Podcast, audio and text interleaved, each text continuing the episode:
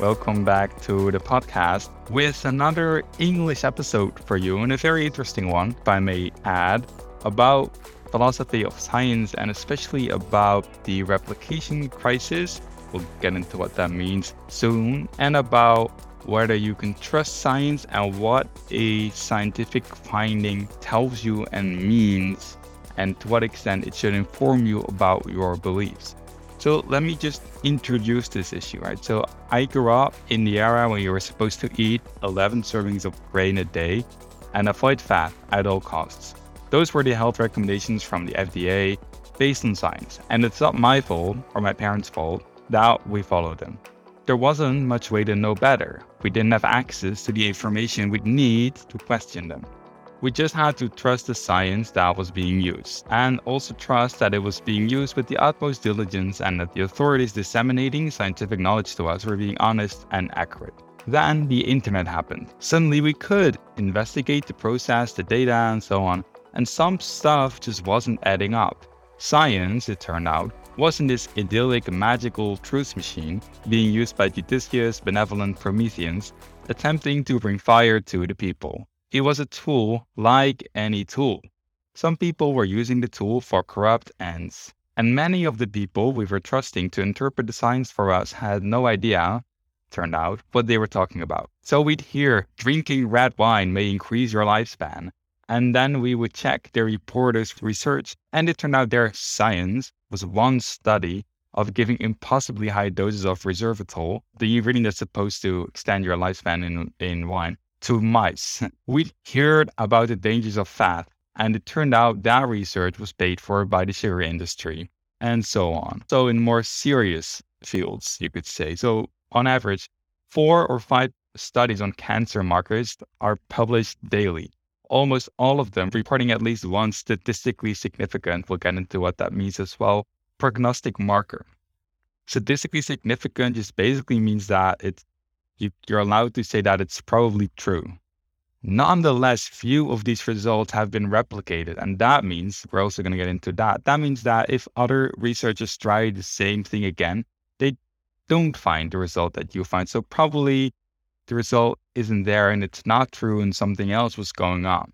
For example, when a team of 100 scientists tried to replicate the finding of 53 landmark articles, they succeeded for only six. The others the result just didn't appear this time. So there was something else going on. Similarly, when the pharmaceutical company Bayer examined 67 projects on oncology, women's health, and cardiovascular medicine, they were able to replicate the results in only 14 cases. The other results, who knows how they've appeared, but not necessarily because they were true. In the United States alone, irreproducible preclinical research slowing down the discovery of life saving therapies and cures has been estimated as costing 28 billion annually. And also in the social sciences such as psychology, many classical findings that I grew up with as an undergraduate I took tests on, had lectures on, and so on, such as ego depletion and priming, turn out to probably not exist as well. Now, the recently discovered fact that so many published results are apparently false alarms has in science itself been baptized as the replication crisis.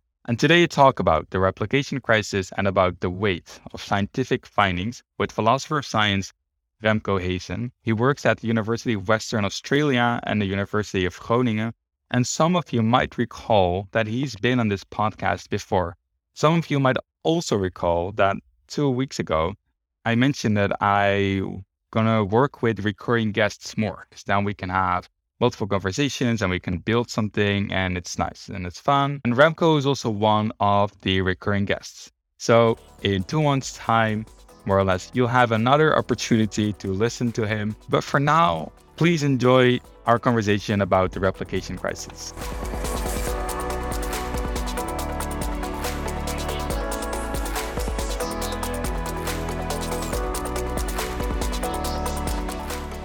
I'm reading the newspaper and there's an article claiming that some kind of there's a scientific publication that says this or that is true or we have found this or that effect. Does that mean that I can now conclude that this is in fact true? Yeah. So we found that peanut butter causes cancer, so we should all stop eating peanut butter. yeah. Yeah. So I mean, obviously not, I guess I would say. um, it's actually, I would say, it's uh, one of the most sort of classic findings, I think, things that philosophers of science have been discussing for at least 100 years. That a single scientific study can always be wrong, can always be overturned, isn't a definitive proof of everything, of anything. Yeah, I mean, this goes all the way back to the problem of induction, even, I would say. You just can't know for sure that a single study is true or gives you the right sort of results. And also, perhaps more or less theoretically, maybe we should say that like it's also just true from experience that specific scientific studies get overturned quite frequently. Uh, right. It's not just a theoretical worry; it's something that actually happens. Right, but in a more innocent sense, you could also say that if a scientific study gets overturned by a newer study, that's just a normal scientific progress. Yeah, and to a large extent, it is, I would say. And that's, that sounds mm-hmm. good to me. I, you know, the, the way we make scientific progress is by learning new things, including sometimes changing things we thought we knew. But of course, the sort of the less optimistic form of this story is that this seems to have happened a little bit more recently.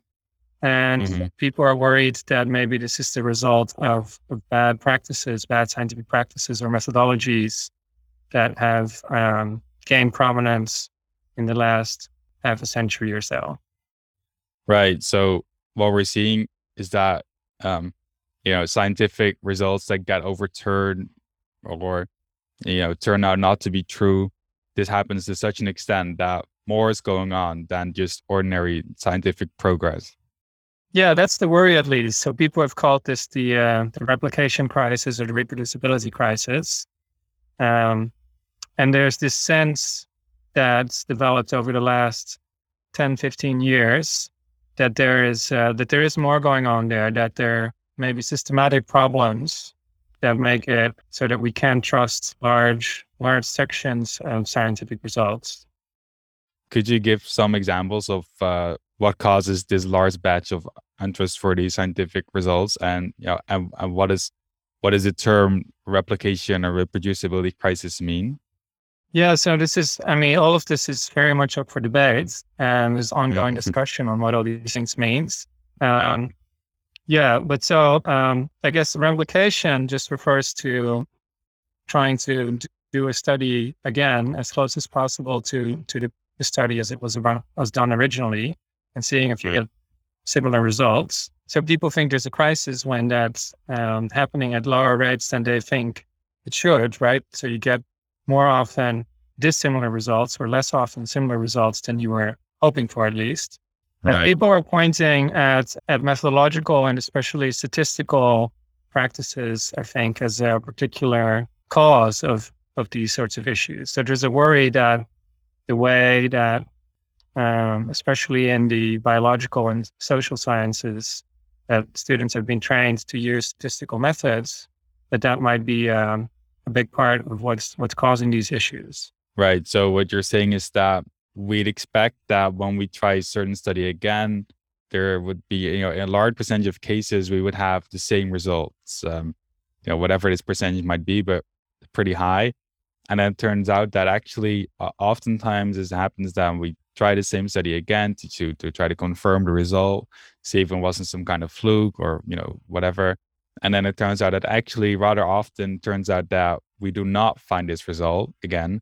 So that means that in a lot of times, there's the first guess, at least my first guess would be that if this happens a lot of times, it means there's something fishy is going on with all these studies.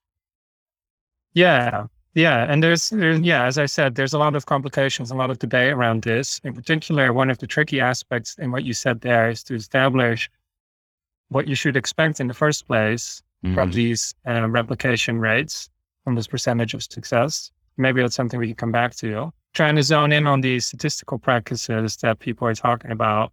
Mm-hmm. So the way that a lot of studies in the social sciences, especially, are set up, is that you're you're working in a statistical paradigm called frequentism or classical statistics, which means that you have a null hypothesis that there is um, no effect or no no interesting phenomena at play in the thing you're studying, and you're trying to disprove that null hypothesis. So your your evidence it shows that there's a real effect here, um, by this process of a statistical test is supposed to reveal that the null hypothesis is false. And so there is, in fact, an interesting effect going on here. Right. So maybe can we get relate that back to the example of peanut butter causing cancer? So your null yeah. hypothesis would be that there's no connection relationship between consumption of peanut butter and and odds of I guess of getting cancer. And then you're going to try to disprove that null hypothesis. Yeah, yeah. So you might imagine that you you have two populations, one eating peanut butter and one not eating peanut butter. And yeah. your null hypothesis is that the percentage of people who gets cancer in both groups is going to be the same. And your alternative right. hypothesis is that the group of people that are eating peanut butter have a higher chance of getting cancer. And so your no, you use your null hypothesis. The way that this actually gets done is you use your null hypothesis effectively to form a prediction, right? So in the same percentage of cases of cancer, and then you calculate, right. and then you look at your evidence, and you calculate um, how likely it would be to see the evidence that you actually got, or evidence more extreme than that, given that the null hypothesis is true. Right. So if we assume that in right. fact you have the same chance of getting cancer, regardless of whether you ate peanut butter, but in our data set, more people who ate peanut butter got cancer, and we look at how unlikely, how surprising that would be, given that we've assumed that the null hypothesis is true. And this is right. what we call P, this is what we call the p-value, right? So the standard right. p-value comparison is that we, we look for p-values that are smaller than 5%. And so this would say that if the null hypothesis were true, there would be a probability of at most 5% that you would see data this extreme as what you've actually observed. And so if this right. p value is small, below 5%, then your data is really surprising given the null hypothesis. But that gives you some indication that the null hypothesis may need to be rejected. So let's say I observed that, you know, people who eat peanut butter, they like 80% of that population, uh, like these folks, they get cancer. And only 20% of the people who don't eat peanut butter get cancer. And then if in fact there is no difference in chance of getting cancer if you eat peanut butter or not. If that's the case, and then the chance would be less than 5% that I observed this difference of 80 20, then I, and then I'm allowed to conclude that, you know, probably, or no, I'm allowed to conclude that there is an effect of, um, or at least there's a difference, uh, like a true difference between people who, in, in terms of chance of getting cancer, between people who eat peanut butter and people who do not eat peanut butter. Yeah. Yeah, that's the that's the idea behind this sort of statistical paradigm. And if right. it was in fact as radical a difference as 80% and 20%, then unless you had a really small sample size, you would probably have a significant results. Yeah. So statistical mm-hmm. significance mm-hmm. is when your p value is below your threshold, so typically 5%. So then you say, not just we found that um, peanut butter increases your chance of cancer, but the result was significant, meaning that its probability that we would have found this result if the null hypothesis were actually true would have been less than 5%. Sounds kind of, um, sounds like it makes sense. Right. Now, yeah, the tricky thing here is that um, because this is this way of thinking about uh, evidence and what you can conclude from it is so ingrained in scientific communities that basically you have to have a statistically significant results to publish a paper in a journal. Mm-hmm. And that's where the problems start coming in because people want to publish papers. And so they publish things that are statistically significant and they don't publish things that are not statistically significant. Right. And so they have an interest, if they want to publish their papers, in finding statistically significant results. And so they're going to try to see what they can do to make sure that the results are statistically significant. So this is the this is the practice that's called p hacking, which is where you try to so the, the p and p hacking refers to the p value, right? So what you're trying to do when you're p hacking is you try slightly different statistical models or slightly different ways of analyzing your data to see if you can find um, if maybe you know your initial analysis doesn't yield a statistically significant result, maybe a slight change your analysis just gets you over the threshold so that your p-value is below 5%. And then you can report Right. statistically significant results.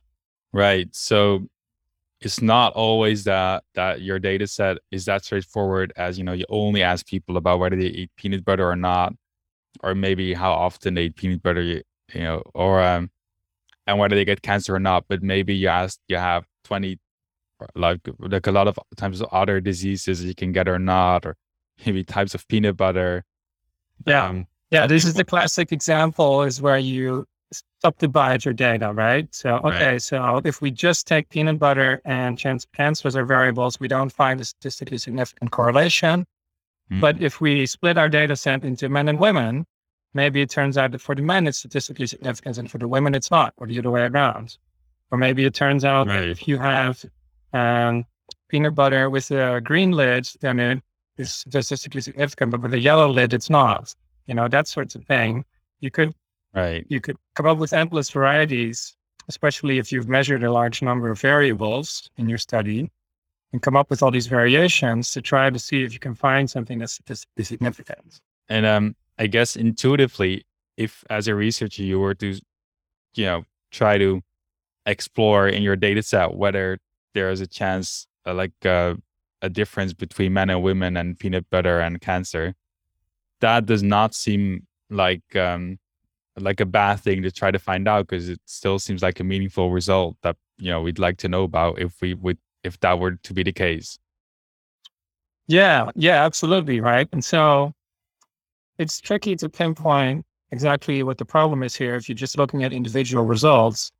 Uh, But I think the prob- the underlying problem is that once you start doing this, you've deviated from the methodology that you claim to be following when you are using the statistical paradigm, right? The analysis, the conclusion that your data is surprising in the sense of statistical significance um, relies on the idea that you're just doing the one study at a time, right? If you are Mm. trying out all these different things, because remember, right? The null hypothesis can still be true. It just um, it's it still has a positive probability of producing the data that you saw.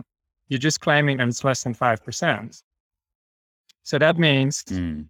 that if you had a result that had a p value of 0.05, if you tried 20 different analyses and all the null hypotheses are true, there's a pretty good chance that you would find a statistically significant result. So if you're claiming to have done one analysis, but you've actually done 20, that's where the problems start coming. So that Right. your p value is no longer an honest representation of the statistical meaningfulness of your findings. Right. Yeah, I think this is something that you see a lot of times in these kind of nutritional studies where they have uh, they try to test some kind of uh, whatever nutritional supplement or whatever, and then they just have twenty dependent variables like um, blood pressure, sleep quality, and twenty more or so on, and they always find that one of the things turn out to be significant. Yeah, yeah, and of course you can you can play on both sides, right? You can change which brand of peanut butter you're using, or whether you're dividing between men and women, or the lids of the peanut butter cups. But you can also change your outcome variable, right? Do you look at chance of cancer, or do you look at um, survival rates after a certain period of time, or do you look at different kinds of diseases, um, Right. Or And some that- quality of life rating, or whatever, right? And so if you Right. find a relation with any of these, and you claim to have found a health outcome for that particular product or whatever it is you're studying. Right. And then I guess the the problem comes is that they don't report that they've actually tested 20 or you know whatever large amount of variables so that it and then it seems that they found this really surprising uh one-on-one connection. But in fact it's not surprising because you had 20 you tested Yeah. for 20 and you only got one positive. So if you're using this this statistical approach properly, then you have to correct for what they call multiple testing. So doing many many different tests. If you do 20 tests and you find one statistically significant result, you have to lower your threshold for statistical significance to account for the fact that you're more likely to find coincidental results if you're doing more tests. And there is a way of doing that, but it's not always used or it's not always used honestly, right? If you hide some of the tests that you that you also ran, then you are no longer reporting in a sense. If you buy into this whole methodology, you're no longer honestly reporting the sort of statistical meaningfulness of what you've been doing. So it would seem that it, if you just try to do whatever test on your data set until you find something positive and then you say that this is the only thing that I've done, then in fact it seems likely that the one positive result that you did get after trying to do whatever with your data is more like um, like a statistical fluke than an actual true result. Yeah, it would be more likely to be a coincidence than your, but then the way you're reporting it seems to suggest. Right. And so that ties in, of course, quite nicely with the point about the replication crisis, right? Because then subsequent studies trying to replicate things would find that things would in fact reproduce at a lower rate than you would have otherwise expected, given what people have reported as a result. Right. Um, and do we have an indication of like how often something like this happens? Not in any precise sense that I'm aware of. It's really hard because, as we've just said, people have an incentive to hide this when they're doing it. But I, I think we have good reason to think that at least until this became a whole big deal, that people were doing this a lot. Um, that it was mm-hmm. in, in, at least in certain fields was just standard practice. Just how you go about your research is mm-hmm. well, you're looking for statistically significant results. Here are some neat tricks to find them. You know, make sure you've measured some demographic variables about your subject so that you can do analyses on subpopulations. That's just common wisdom in our field for how we make sure we get the sorts of results we're looking for. Uh, and now we're looking at that and we're like, hmm, are we sure that's what we should be doing? What would be some other statistical issues that uh, contribute to this low reproducibility of scientific results?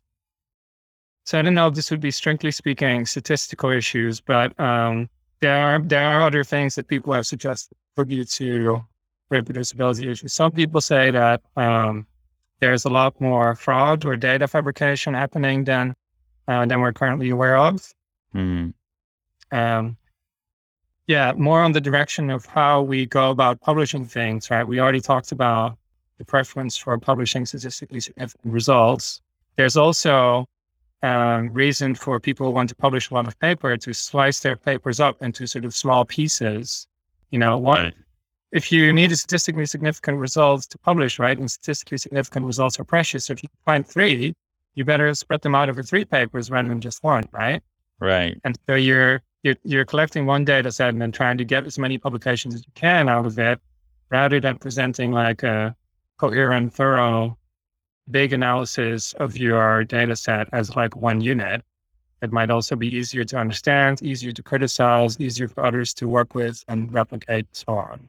Don't want to get too far afield from from our line of conversation here, but so it just seems to me that a common thread underlying all these things and and I think I know you have thoughts on this, is that there seems to be a, a mismatch between the incentives of individual scientists, because they have the incentive of finding significant results and, and so on. And that leads to all the things out that you just said, and kind of the not necessarily the incentives, but you know, what would be good, you know, for for science or for society as a whole.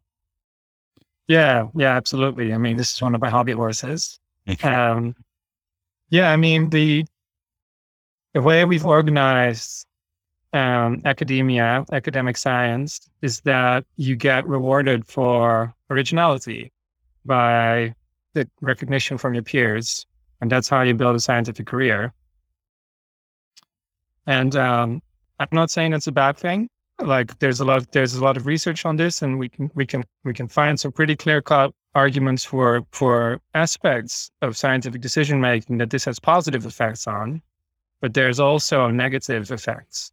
Um, and I think we're we're running up against some of those here, where um, especially when you combine the individual incentives with the way that journals are run, you see that um, they create a, a bad incentive structure where because the journals want statistically significant results, the scientists are going to make sure to produce them um, right.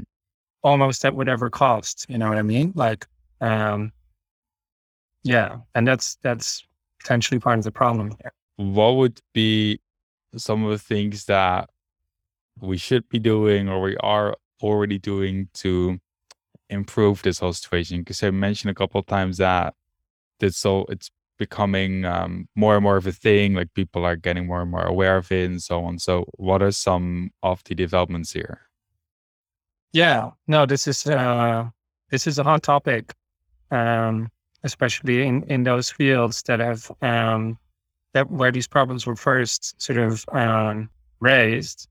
People have been spending quite a bit of time thinking about them and and thinking about potential solutions.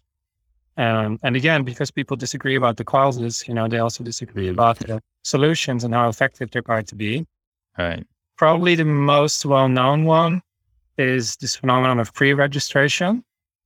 So Mhm. pre-registration is when you announce in advance in a public way what kind of data you're going to collect um, or what kind of study you're going to run. And sometimes this is this this might be combined with, or the terms might be used interchangeably with the pre-analysis plan, where you say in advance what kind of statistical analysis of your data you're going to do, what kind of Right. statistical tests you're going to use. And so the idea here is to sort of tie your own hands um, so that you cannot later engage in p hacking effectively. Okay. If you've Right. already said, I'm going to collect these variables and I'm going to look for this correlation and here's how I'm going to test for it. Then if you later publish a paper trying to argue for the same effect, but using different measures or different tests, then it which is going to look pretty suspicious that you may have engaged in p hacking. Um, because then it's going to look Right. like for the rest of the world, like, oh, you tried the thing, then you did found a non-significant result, so then you changed it. So wow, that's p hacking, right? And so then we should adjust how much we believe your results on that basis. Right. So if you commit in advance to only doing certain analyses or um yeah, only testing certain hypotheses, then it's no longer possible to just do whatever test uh, until you find some kind of significant result. Well, at least you're going to have some explaining to do if you end up doing that. Right.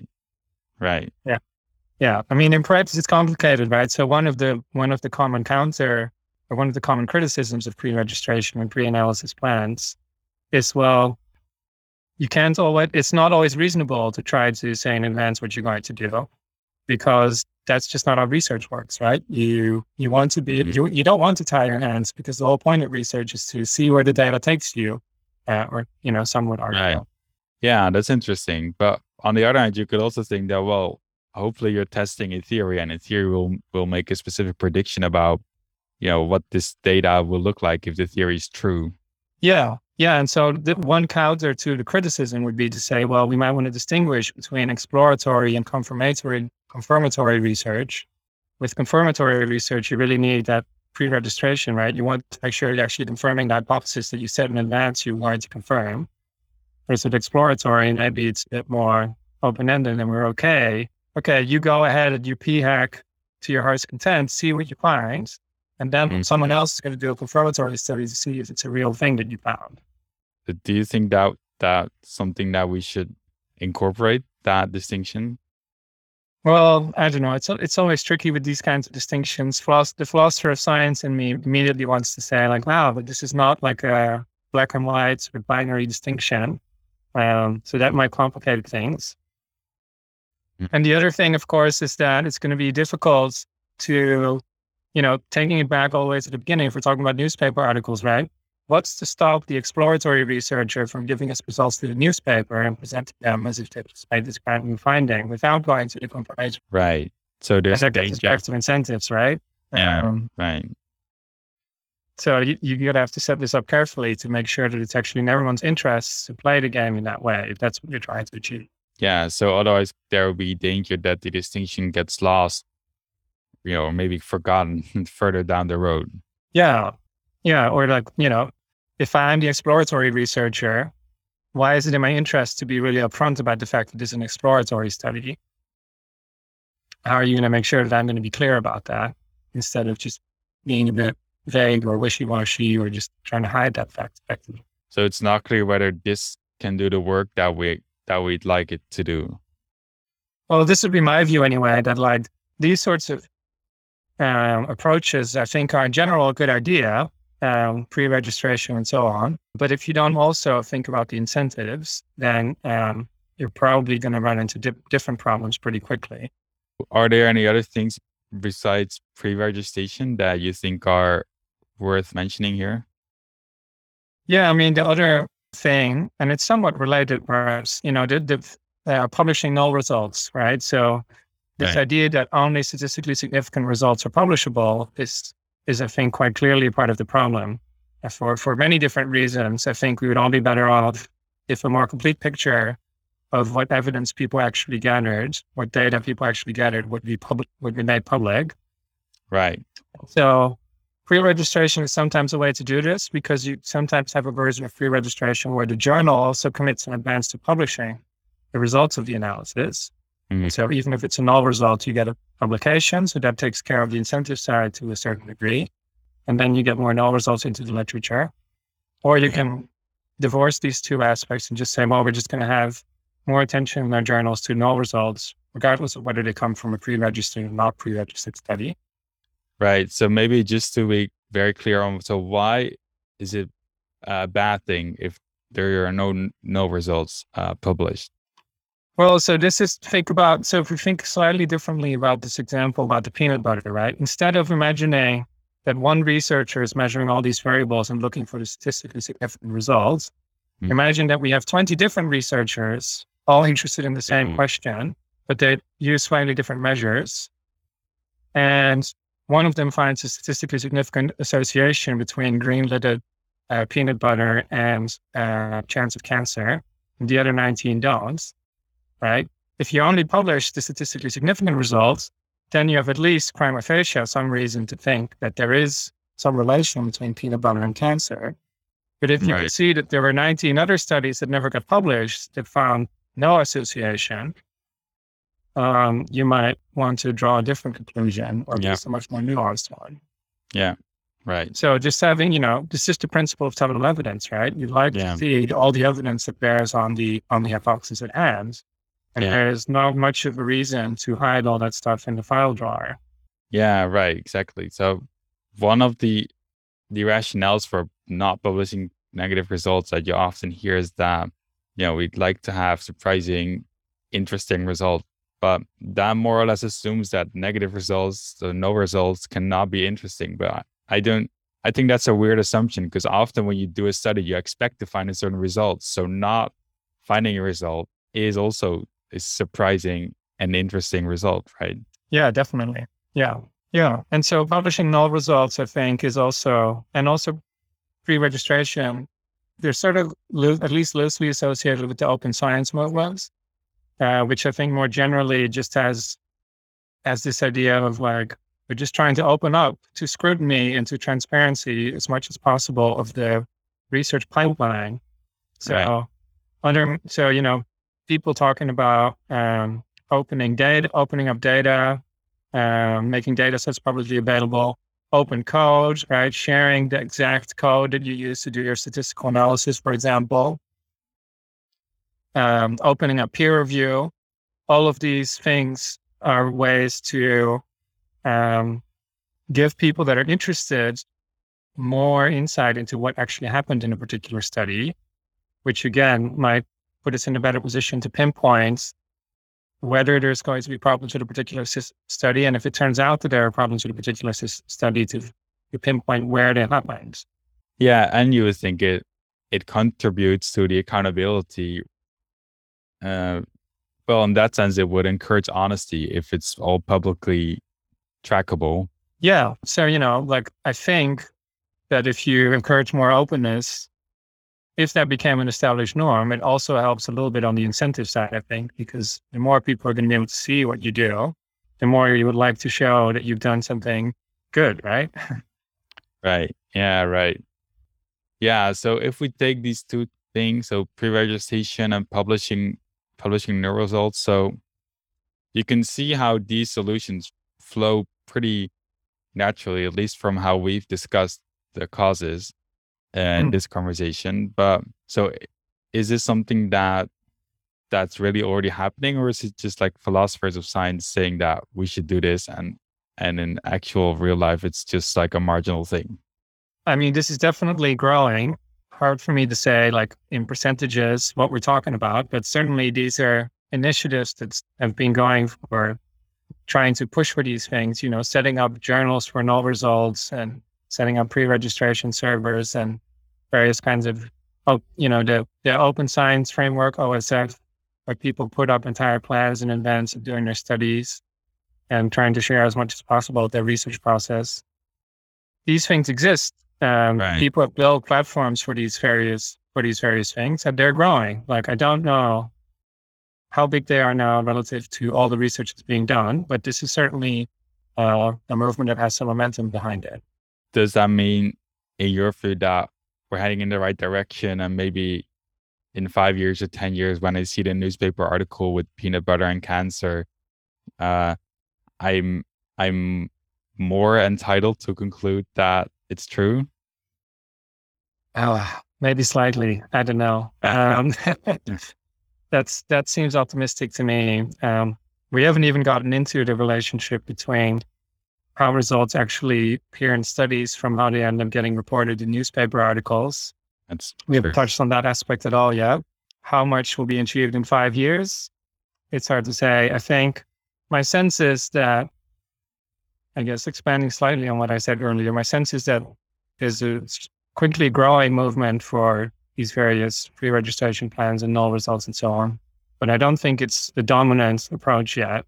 So there's, mm-hmm. I think, still quite a way to go as well. So there's still a large way to go before the results get more robust in a sense.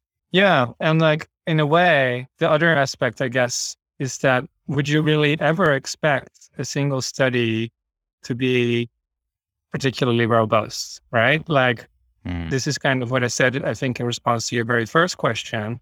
As philosophers of science, we've known for a long time that, like, no single study is going to be decisive or immune to being overturned. Um, right.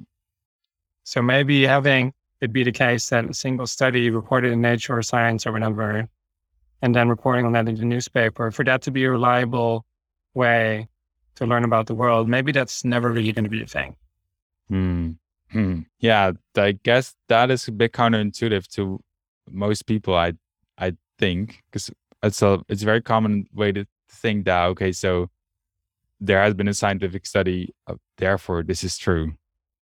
Yeah, no, and in the, and I think probably in the best possible cases, it's like this is the best we can say with the data we have so far, right?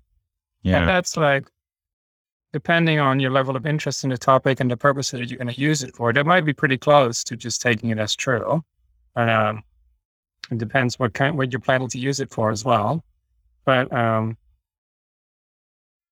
yeah, but then also, yeah, the other thing that I'm, I'm sort of hinting at is that like, it'd be nice if these sorts of articles reported more on things like meta analyses instead of single studies. Mm-hmm. mm-hmm. So if like when they're reporting a result in the newspaper, they're mainly saying like, oh, there's a paper out on this, but also we've looked at previous papers that have been published on this topic, or someone else has done this and done a meta analysis and we're reporting on that like, to get you actually the best of the evidence that's currently available rather than just what is happens to be in that single paper or study.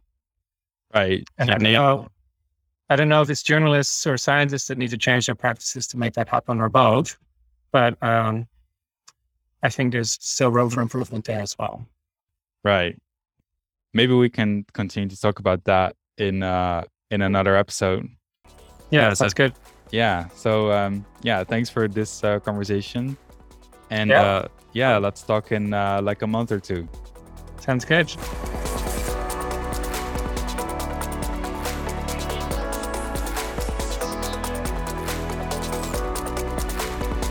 So, what should be the takeaway of this conversation?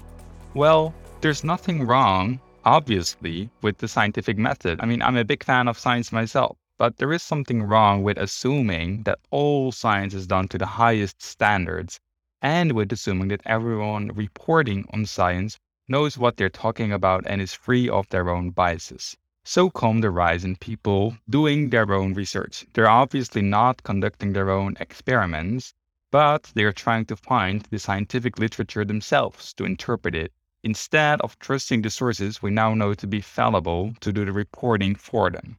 But reading the literature ourselves is a very new thing. 25 years ago, it would have been exceptionally hard to find research studies backing up a claim. Today, you can do it in a few minutes on Google Scholar. And we're only now starting to see the fallout from this dramatic change in access to information. But how do you even do your own digging to see how the science was conducted? And are there other proxies you can use to evaluate their trustworthiness? What are books that can help, such as How to Lie with Statistics or Calling Bullshit? And everyone could probably benefit from a research methods course but we also need some sort of a social infrastructure to support scientific discourse. The biggest red flags to me in representing information is when an authority says they're the only ones able to interpret the data, that it would somehow be dangerous to give the masses the unfiltered information because they're irrational or gullible or whatever. Read my forthcoming book on why people are rational to get that argument uh, just as an example. So I think one of the most entertaining examples of this dynamic from last year was the dialogue about this COVID drug, this supposed COVID drug that was also a horse medicine and that was popular in some circles around COVID, there was apparently research coming out suggesting that it helped with treating or preventing COVID. But the establishment were turned out to be right, but nonetheless they didn't critique that research, they didn't go into like the actual arguments. They instead pretended that everyone who thought the horse medicine would work were idiots. Now, the best critique I was able to find against this medicine being effective for COVID was the one written by my favorite blog, Slate Star Codex. It was incredibly scientific and gives a very compelling, well researched explanation for why this medicine doesn't work for COVID. Now, that is scientific leadership, going into the arguments, going into the data.